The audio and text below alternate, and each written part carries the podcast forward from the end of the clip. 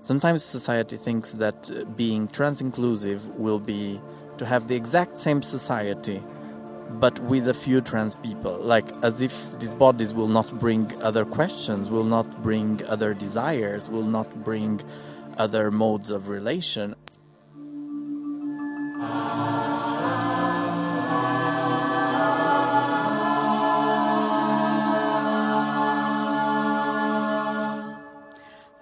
Hi, and welcome to FUL's podcast called Tal till nationen. Welcome to you joining us live today here at Café Trapphuset in Kulturhuset Stadsteatern Vällingby, and welcome to you listening to the podcast. This is an anti nationalist podcast by the art collective FUL, and in six episodes, we will be meeting artists talking about artistic freedom. The reason why we find it important to do a podcast about artistic freedom is that we now, in 2022, are experiencing limitations in our democratic rights, one of them being freedom of speech and artistic freedom. Here in Sweden and in many other places on this planet, populist forces are gaining more and more power in our parliaments, and conservative ideas are violently limiting our rights and our freedom. Artists are especially in danger, but they don't have the protection needed, especially artists working for a more equal and less polarized reality. My name is Nasim Aghili, and I'm a director, writer, and artist, and I'm the hostee and conversation partner to our guests. Our third guest in this series is the amazing choreographer Dinis Machado. Welcome, Dinis. thank you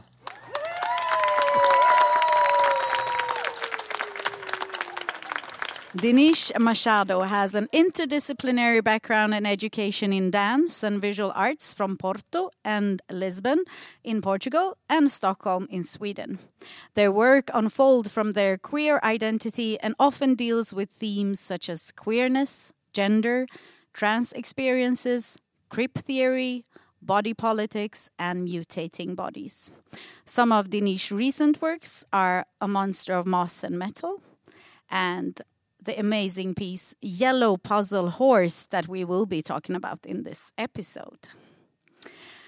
But let's start with the first question that all our guests are asked in the beginning. Dinis, what is artistic freedom? Wow. Um, yeah, I think I, I work a lot around ideas of, or questioning ideas of freedom, because I think we have this idea that freedom is about us arriving somewhere, like in dance, that freedom is about arriving to an empty studio and you just uh, release your inner self and you and all these things come from inside of you. And I actually think that in relation to myself, if I just release myself without any criteria, I will just get more of the same. I will just get into an entropic circle. So I think for me, ideas of freedom have a lot to do with actually production of criteria and production of rules. In which way do we dialogue? In which way do we create choreography? In which way do we go to the room and experiment to dance? In which way do we meet an audience when we have a performance? And in which ways that is that this criteria, these structures allow a certain encounter and not another? When I think about my practice, the way I meet performers and the way I meet audiences, and when I think it in relationship to freedom, I think that for me, freedom happens when I am allowed to dialogue with bodies like mine. And I think that is very hard because, I mean, let's talk about Sweden, but I think it's pretty generalized. I think art institutions, like uh, in the freelance scene, in the institutions like the governmental institutions, they have through the last years increased their diversity of their programs, like the artists they invite to make things. Sometimes more tokenistically, sometimes in a more consequent ways. but I think there is a very serious problem in Sweden at the moment is that as soon as you open the door of the office, the bodies that are there are always the same. And they are white, they are cis bodies, they are most often even born in Sweden. Like, I think it's even difficult to find migrant bodies from countries like mine in Southern Europe. And this definitely creates something because even if a trans person is invited to the program, even if uh, a racialized person is invited into the program, they are being invited always under. I mean, the curator, the the people that work in the office are the people that are inviting this person in, and that carries a gaze, and that invites this person to answer to this gaze it's very rare that we are actually, for example, as a trans person, that I'm being invited to produce subjectivity as a trans person, to address other trans people, to kind of produce fiction, produce imaginariums out of our lived experiences. We are most of the time being invited to explain to explain why we have the right to be here, why, nah, nah, how does it work, how does it work, our pronouns, how does it work, and you know, these people get all excited with this. It's like, ah, now we're talking about pronouns. This is like the real thing. We're being super alternatives. Mm. When actually it's like my pronoun is just like my socks, you know, it's just like a lived evidence. I think I am so much more interested in digging into how my body, how the body of my community, of the bodies of my community can produce affections in other way that is not the ways that uh, cis heterosexual uh, history has produced and forced us into and expects us to relate with each other. How can we produce affection? How can we produce touch? What is a family for our bodies? What is uh, what is our quotidian? What is our like? Yeah, to produce subjectivity, to produce narratives, to produce universes where we can both review ourselves and our lives, and also that we can question our lives and we can question each other from another place than than the place that we are constantly being being questioned. So I think for me, artistic freedom from a queer perspective is to actually maybe be questioned from other places than the same place that is over and over and over day after day being being posed to us because it's so tiring it's like we're always being uh, given the same questions it's like you're you're always being given the same three questions and mm. there is so much more world to explore. and i think that is like that happens through curatorial encounters, but that also happens through the critical universe that exists, through the audiences that are given to us. Like um, for me, if I'm doing a performance and uh, and uh, the whole audience is a white cis blonde audience, it's very difficult for me to not find myself extremely objectualized because. Mm even I mean, and I'm not saying like encounters are not always aggressive. Like I'm not necessarily talking about separatist spaces. I'm talking about alternatives to a dominant gaze that is constantly dominant in every kind of space.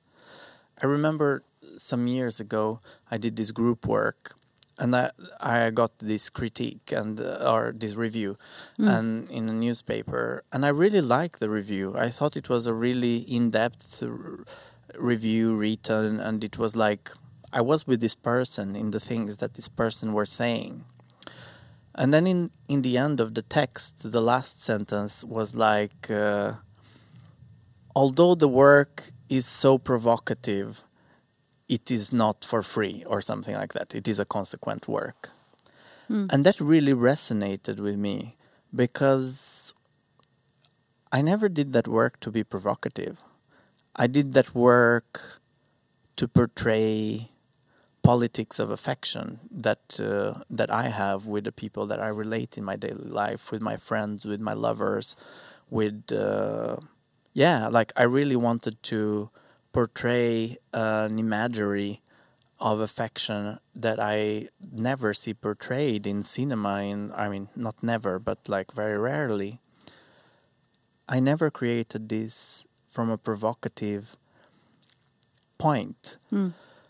and that really made me think about like the way that uh, because obviously there is a lot of people that get provoked by my work and that arrives to me with so much violence but that sentence also make me feel why does my work arrive as violence to these people?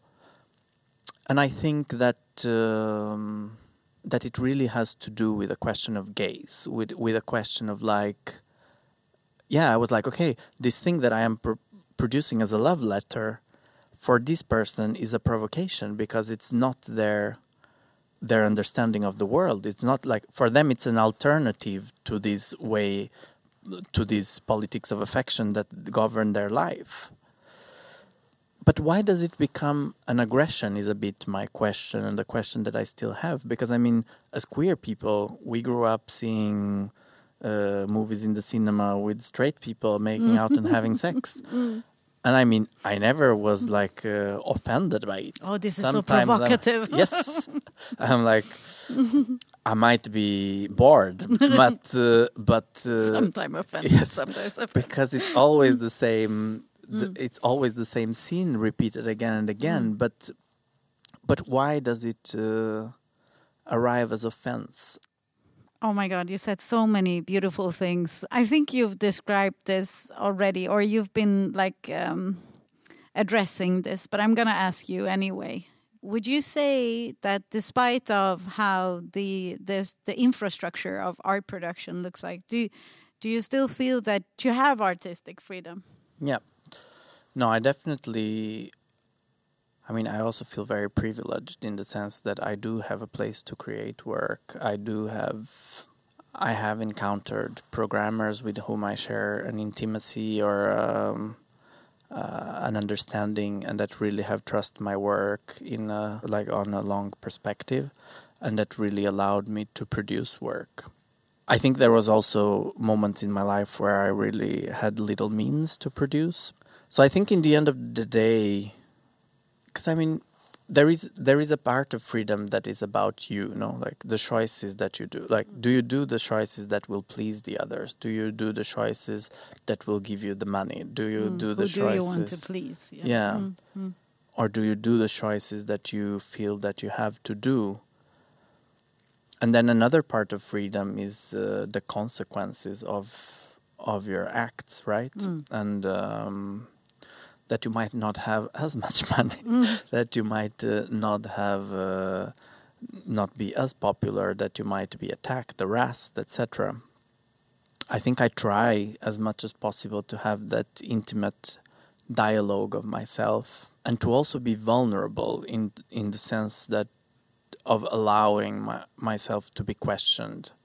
I remember there was some some before corona i was doing this piece normcore and we had this very i mean the team is an amazing team. We are all are quite close friends.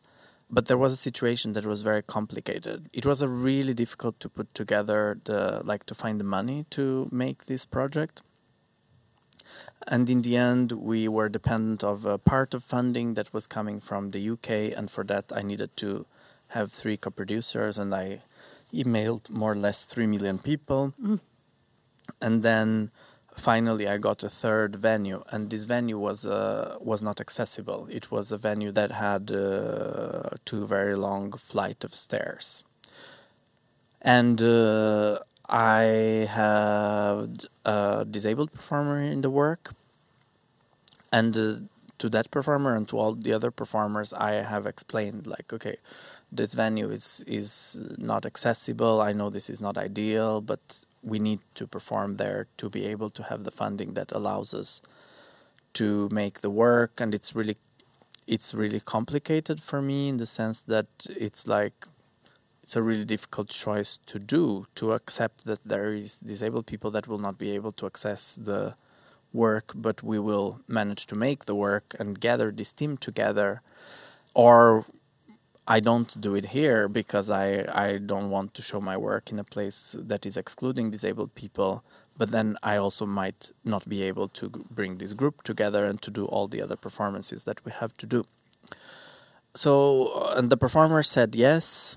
But when we arrived to perform at this place, some of the performers had a really like although they had said yes they had a really hard time with the situation that mm. they were there some of them as disabled performers or and disabled people and uh, they would have other disabled people that friends that could not reach this space so that was a bit like that we were accepting the privilege that we could reach this space that other people could not and in that moment I felt really sad because I was like, okay, but there is so many things that we managed to reach with this project, and no context is is ever perfect. Like, do we really need to get attached to these one hour before the performance? And and and my performers, they really said, no, but you are you are not like we don't necessarily need to solve this now, but but this is not an okay situation, and we we need to say that it's a not okay situation.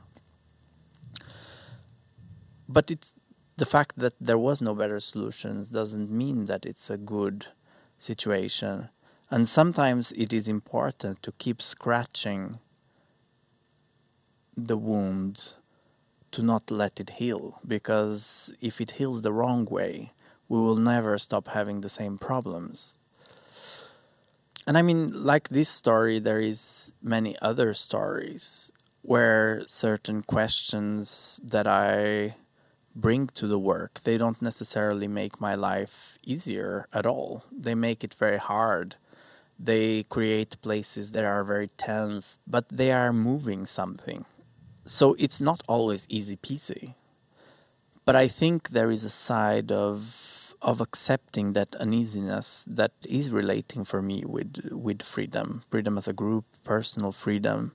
Sometimes I go to see performances and I am like, oh my god, why is this uh, white separatist group of people doing a performance again? And then people come to me like very like I know, but I didn't create anything for so long, so I needed to have people that I trusted and that I knew that I would feel familiar with we really should not trust this sense of familiarity because this sense of familiarity is what oppression is based on. It's white what uh, white supremacy is based on. It's what ableism is based on. Is what transphobia is based on. Because we want to feel comfortable.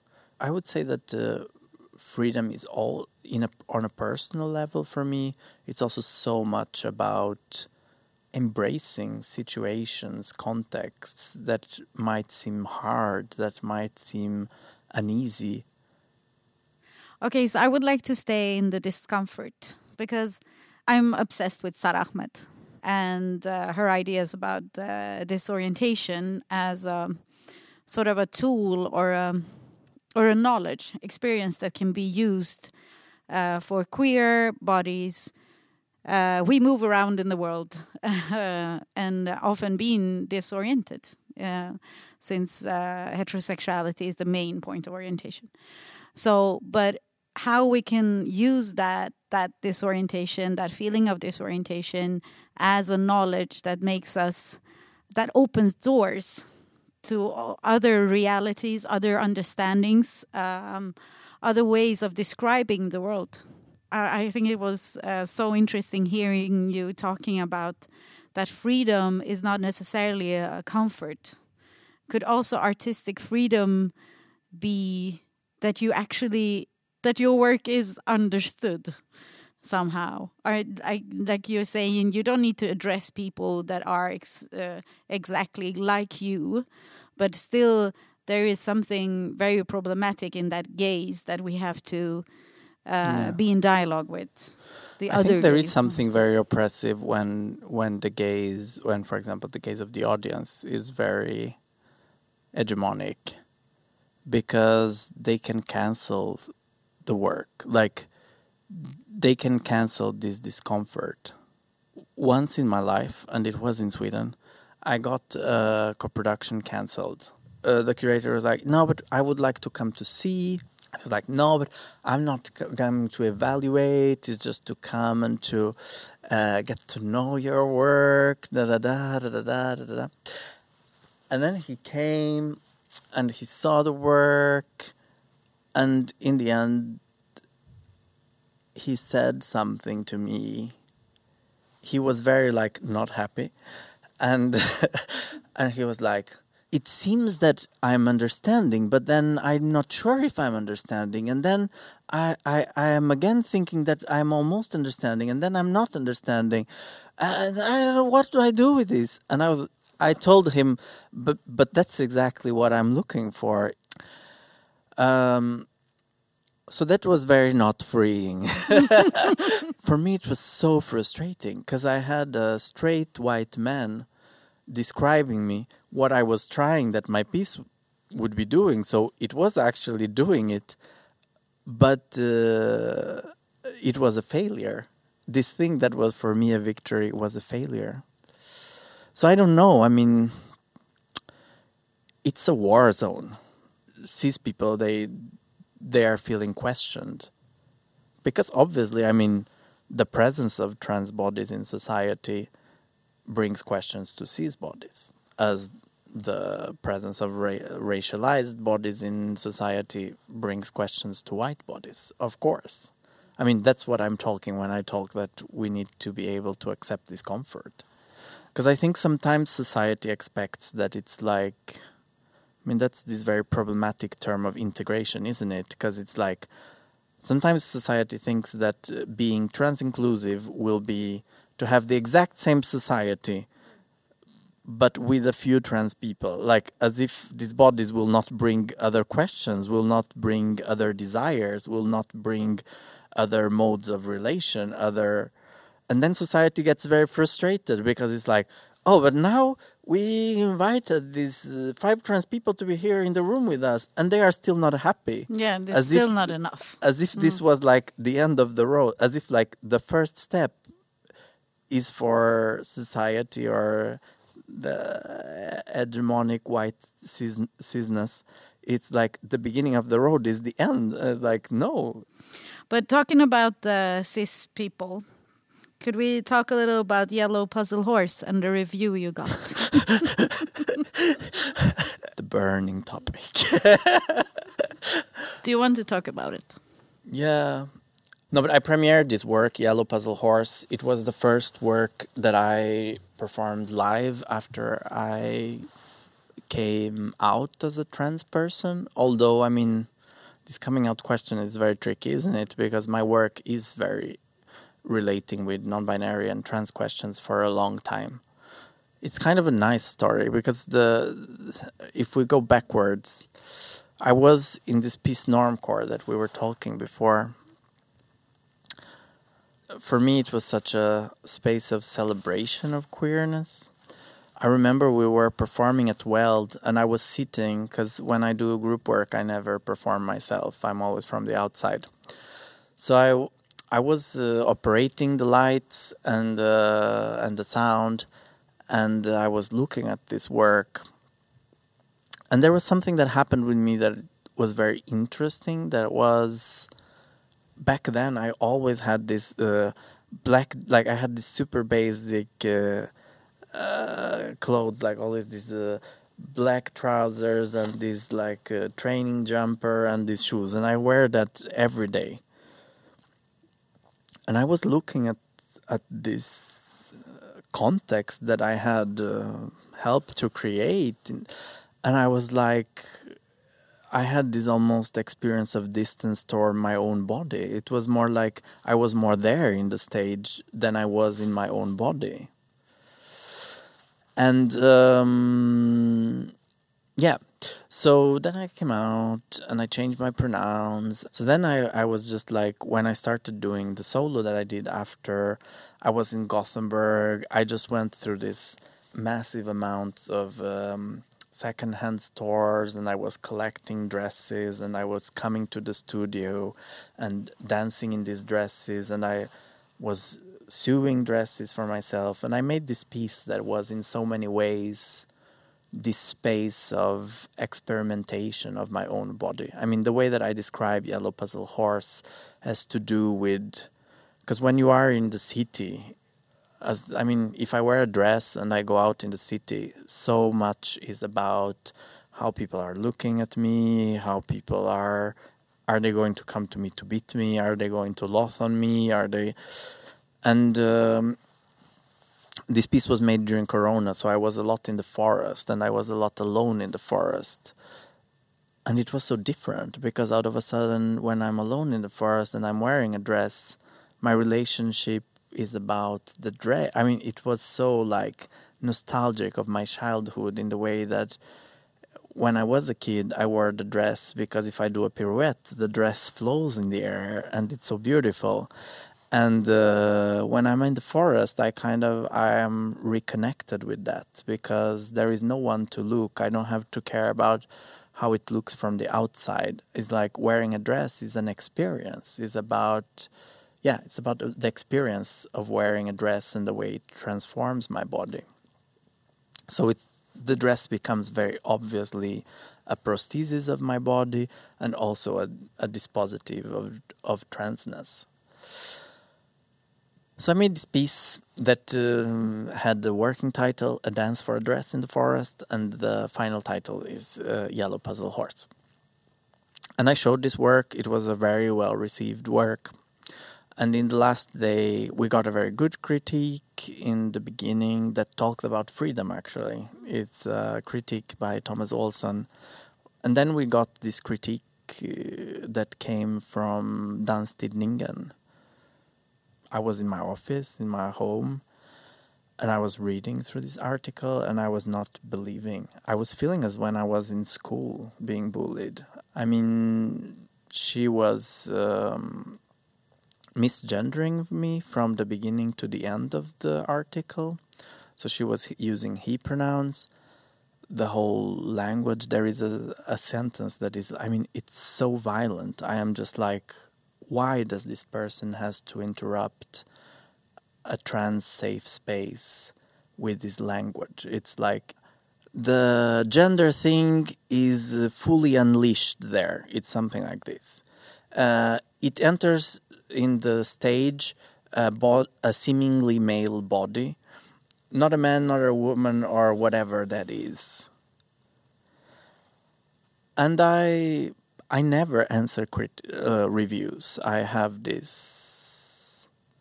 I don't know. I mean, I think it's also hard work, the work of the critic, and I think uh, a lot of things are subjective and so on. And I think people should have their freedom of expression. But the question here is that this was not about freedom of expression. This was about harassment, because the whole critic was written with the wrong pronoun and the work is about the experience of being trans. And um, I don't think this has anything to do with freedom of expression because I don't think my gender is an opinion. Like, I don't think I can now write her back and uh, use he pronouns on her. I don't think that is socially acceptable. So, why is that it is socially acceptable to misgender a trans person?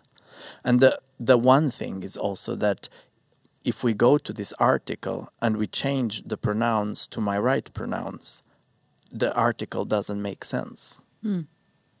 Because the article is based on transphobia.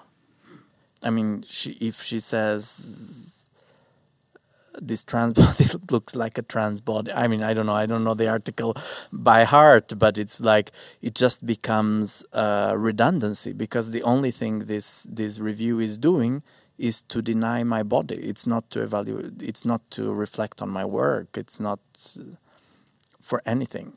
So you did answer it. So I did answer it, mm. and uh, so I answered, and basically what I said was that uh, this was not my pronoun and uh, that I don't think this is freedom of speech and that I think this is a personal attack. And I also explained that I mean this these uh, terms like uh, calling a non-binary person whatever that is is a very dehumanizing language. It's aggressive language. I don't think this is acceptable language for something that is printed. I don't think it is acceptable to misgender someone in a material that is printed. I might be a bit more relaxed when it's a live situation with friends or with someone. I mean i don't know but i mean in a printed material it's really a no-go. So did they use the argument of freedom of speech yeah, and they used the argument. No, but I think there is another question that I also told her that it's very important that has to do with this expression of a seemingly male body. Because I actually think this is a misogynist concept. Because maybe for some cis people, they think that being trans is about someone that wants to look like someone else or like another gender than what cis people think they are but actually that is not what being trans is. I mean people deal with that transness in different ways. Some people use different technologies to deal with dysphoria with the way that they want to inhabit the body. But being trans it's about not identifying with the gender that was given to us or to identify with another description of gender than the one that was assigned to us. So, when this person says that uh, I am a seemingly male body, it's very obvious that what she's saying is that I'm not. She thinks I'm not taking hormones, although she actually doesn't know that. Uh, taking hormones is a thing that uh, takes ages. Like transitioning, it's not the one road thing I think for so many people that I have talked with, when you initiate a process of transition, you also understand uh, how how ambiguous is this notion of biological sex and uh, how how things are mutable and transformable and how in so many ways one thing is already the other and how and I mean and different people will have very different understandings of transness. So when she talks about a seemingly male body, it feels that I that this is kind of some kind of masquerade that I should be trying to pretend that I don't know that I should be trying to look like a woman, and this look like a woman. I don't know. I would like to know how does a woman look? Like, does a woman that lost a breast is not a woman anymore? What is a woman? What like it, it has to be a princess because the women that I identify with are feminists. They are fighters. They go to the middle of the street and they throw stones at police. You know, like I think for me to be an, a non-binary trans feminine person, because I do identify as a trans feminine person, is to both approach feminine absences that were kind of progressively forbidden in my body as it is to question what is a woman from a feminist perspective it's really a double fold. And first, this idea that I am not transitioning, that is contained in this essay, it's not true because I am altering things in my body and I don't have to explain it to her or to prove it to her. It's a really personal thing that I don't owe to turn it visible to anyone. But also a very dangerous question because then we are saying that women have to look a certain way, that that's a, a misogynist thought and a misogynist perspective. There's so many problems with this with this review and this text but and i just want to thank you for using your freedom to answer the review because i think that that really empowers uh, the community. I think there are a lot of us being in that situation not answering a review because it's pretty hard to uh, when you you're met with transphobia, homophobia, racism in a review, then people can always say, "But yeah, yeah, but you're you're upset because you got a bad review." so I think this also answering and actually talking about this that you did was so important for many people. So I want to thank you for that. Thank you. I mean, I actually I worked on this answer for this review for a week because I really had like what you were saying. I was like, okay, it. I need to, this needs to be the most perfect I can do because there is no space for failure. It's a really delicate situation. And then she was like, I cannot change what says in this article, but if you want, you can write an article in our magazine. I said that I, I cannot write in a magazine because for me, I will not contribute for a magazine that thinks that uh, people's gender identity is a question of opinion. Mm.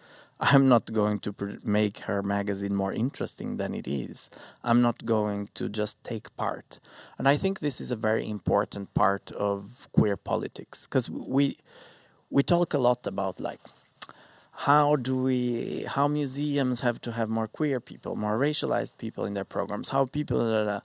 And sometimes I think that certain contexts they are so unaware that we actually shouldn't take part on them we should let them die in their whiteness. We should let their whiteness, their cisness, their uh, normativity just suffocate itself. Because this kind of thing of like, no, I will not, I will keep being transphobic, but you will also write. So it's like we have a bit of this, we have a bit of that. And we are just kind of keeping alive structures that. Uh, that really don't want to question themselves, don't want to renovate themselves. So I think as an intersectional community, maybe sometimes we're fighting the wrong fight because we want to be part, we want to be there, we want to be represented, but maybe we just want to claim the legitimacy of our spaces of encounters, of other spaces that are being born from another place from the beginning, from another place of questioning. I remember like when I was part of Moderna Utställningen, I was performing there three times a week. So they asked me to come to their morning meeting. I arrived to their morning meeting, that is a meeting where the whole Moderna Museet meets. And I arrived there and I opened the door and I couldn't believe. It was like, I don't know, it was there like what, 70 people, 80 people? Everyone was a blonde white person. Like every single person was an able cis white person. When this is what you have as a start, what different does it matter to have a disabled person in the corner or a racialized person in the corner or a trans person? Like, what what does that change in this kind of, of, of consensus?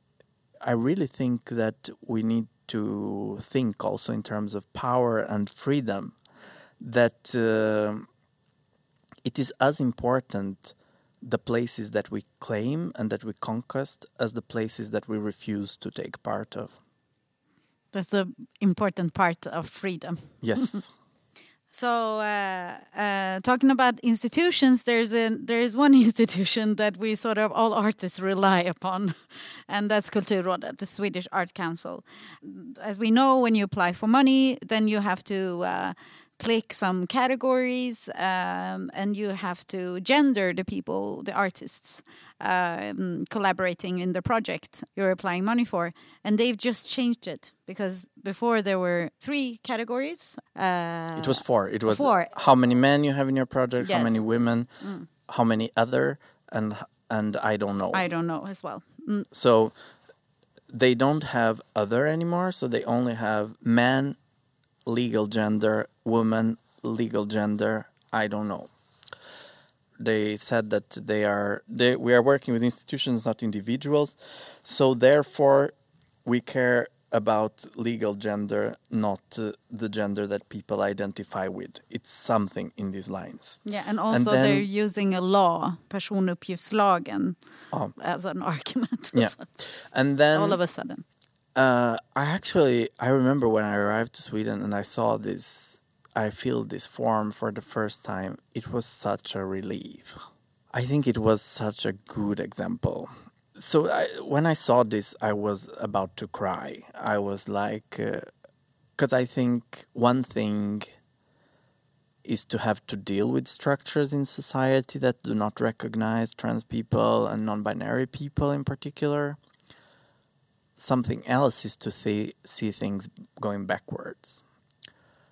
I mean, in the last years, we just hear people saying, no, it's going too far, it's going too much, everyone is trans now, da da da. But actually, I mean, so much have gone backwards. I mean, in Sweden we got uh, hormone um, blockers uh, suspended. Most people doesn't even know what is hormone blockers. Like, oh, they're giving hormones to kids. No, they are delaying their hormonal uh, development so that they can decide before it is too late.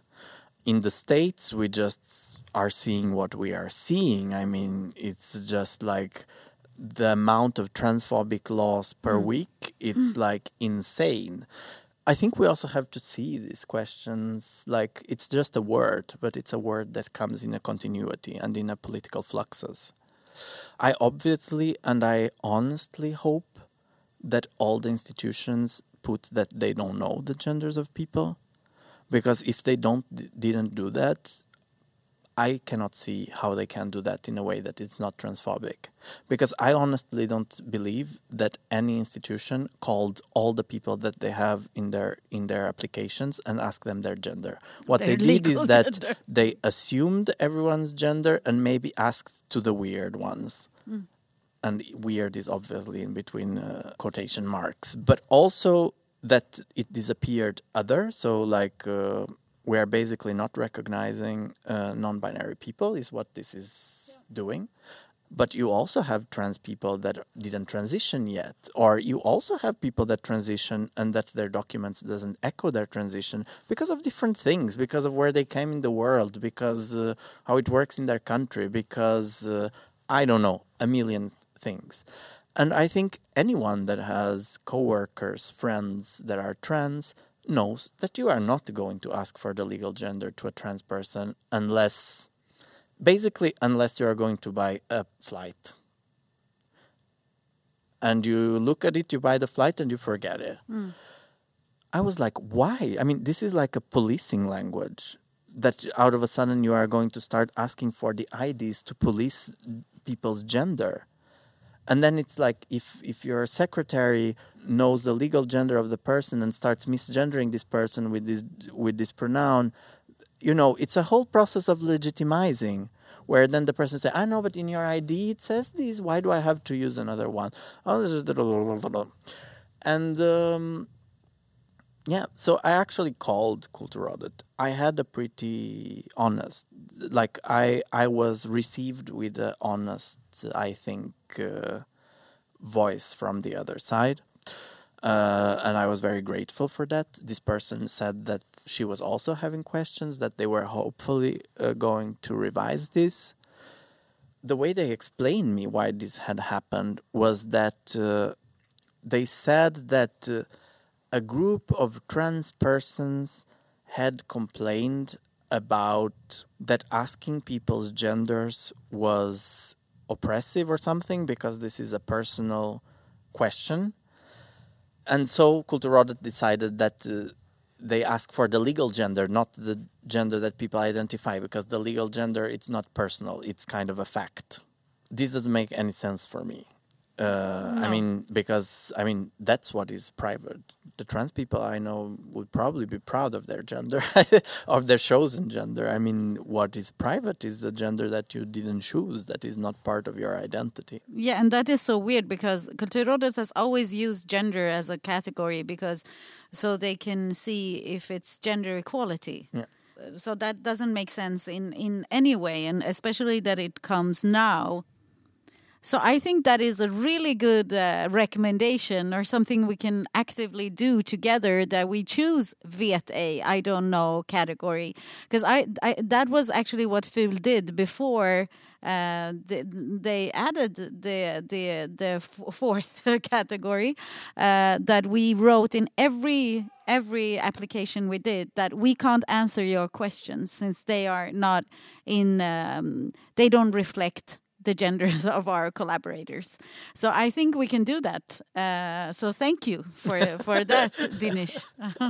thank let's, you. Let's do it. Thank you.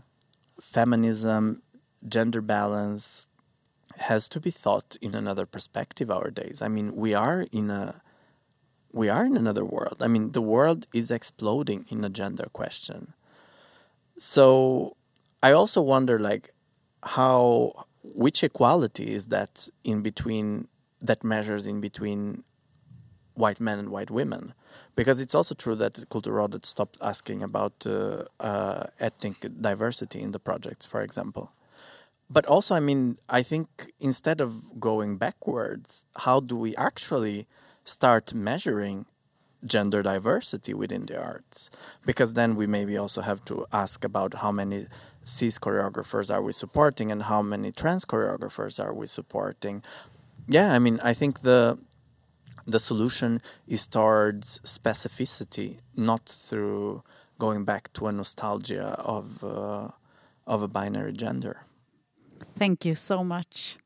Dinis with those beautiful words, we uh, end this uh, third episode of Tal till nationen, Ful's new podcast, uh, live recorded at Café Trapphuset. Thank you so much once more Thank you. um, for participating in this. Thank you, Dinish. Thank you.